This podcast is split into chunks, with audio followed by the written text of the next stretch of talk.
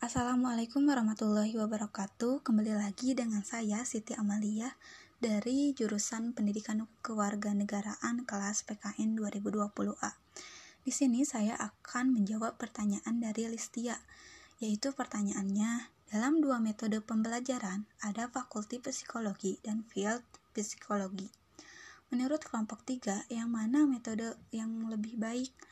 Sebelumnya, apa sih fakulti psikologi dan field psikologi itu? Nah, yang pertama ada fakulti psikologi. Akhir abad ke-19 muncul aliran psikologi yaitu fakulti psikologi yang berpandangan bahwa karakter warga negara yang baik dapat dihasilkan dengan melatih siswa berpikir dengan cara menghafal, mengarahkan dan menasehati mereka secara teratur dengan bahan-bahan yang baik. Cara ini mengarah pada pengajaran yang bersifat indoktrinasi atau ferret like instruction atau watering down. Pada metode ini terdapat keberatan terhadap aliran fakulti psikologi, yaitu orang tidak akan menjadi lebih baik dengan jalan dinasehati melulu. Yang kedua, tidak ada kesempatan meneliti atau menyelidiki, dan yang ketiga, tidak ada kesempatan menilai. Selanjutnya, field psikologi.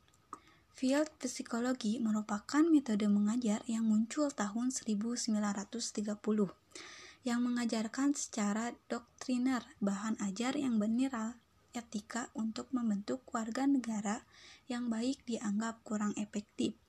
Proses mengajar field psikologi harus dengan proses belajar yang demokratis dan dinamis karena dianggap lebih efektif dan akan memperoleh nilai yang sebenarnya.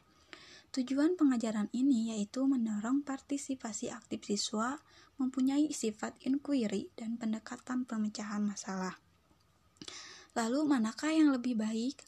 Menurut saya, pembelajaran yang lebih baik yaitu metode belajar field psikologi karena pembelajarannya diharuskan dengan proses yang demokratis dan dinamis yang menekankan pada proses tilikan atau insight yang bersifat holistik yang akan melahirkan proses belajar yang lebih bermakna.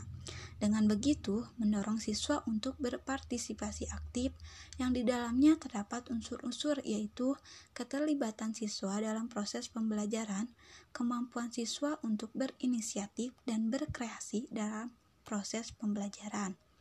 Selain berpartisipasi aktif, siswa memiliki sifat inquiry atau penyelidikan dan bisa menyelesaikan masalah.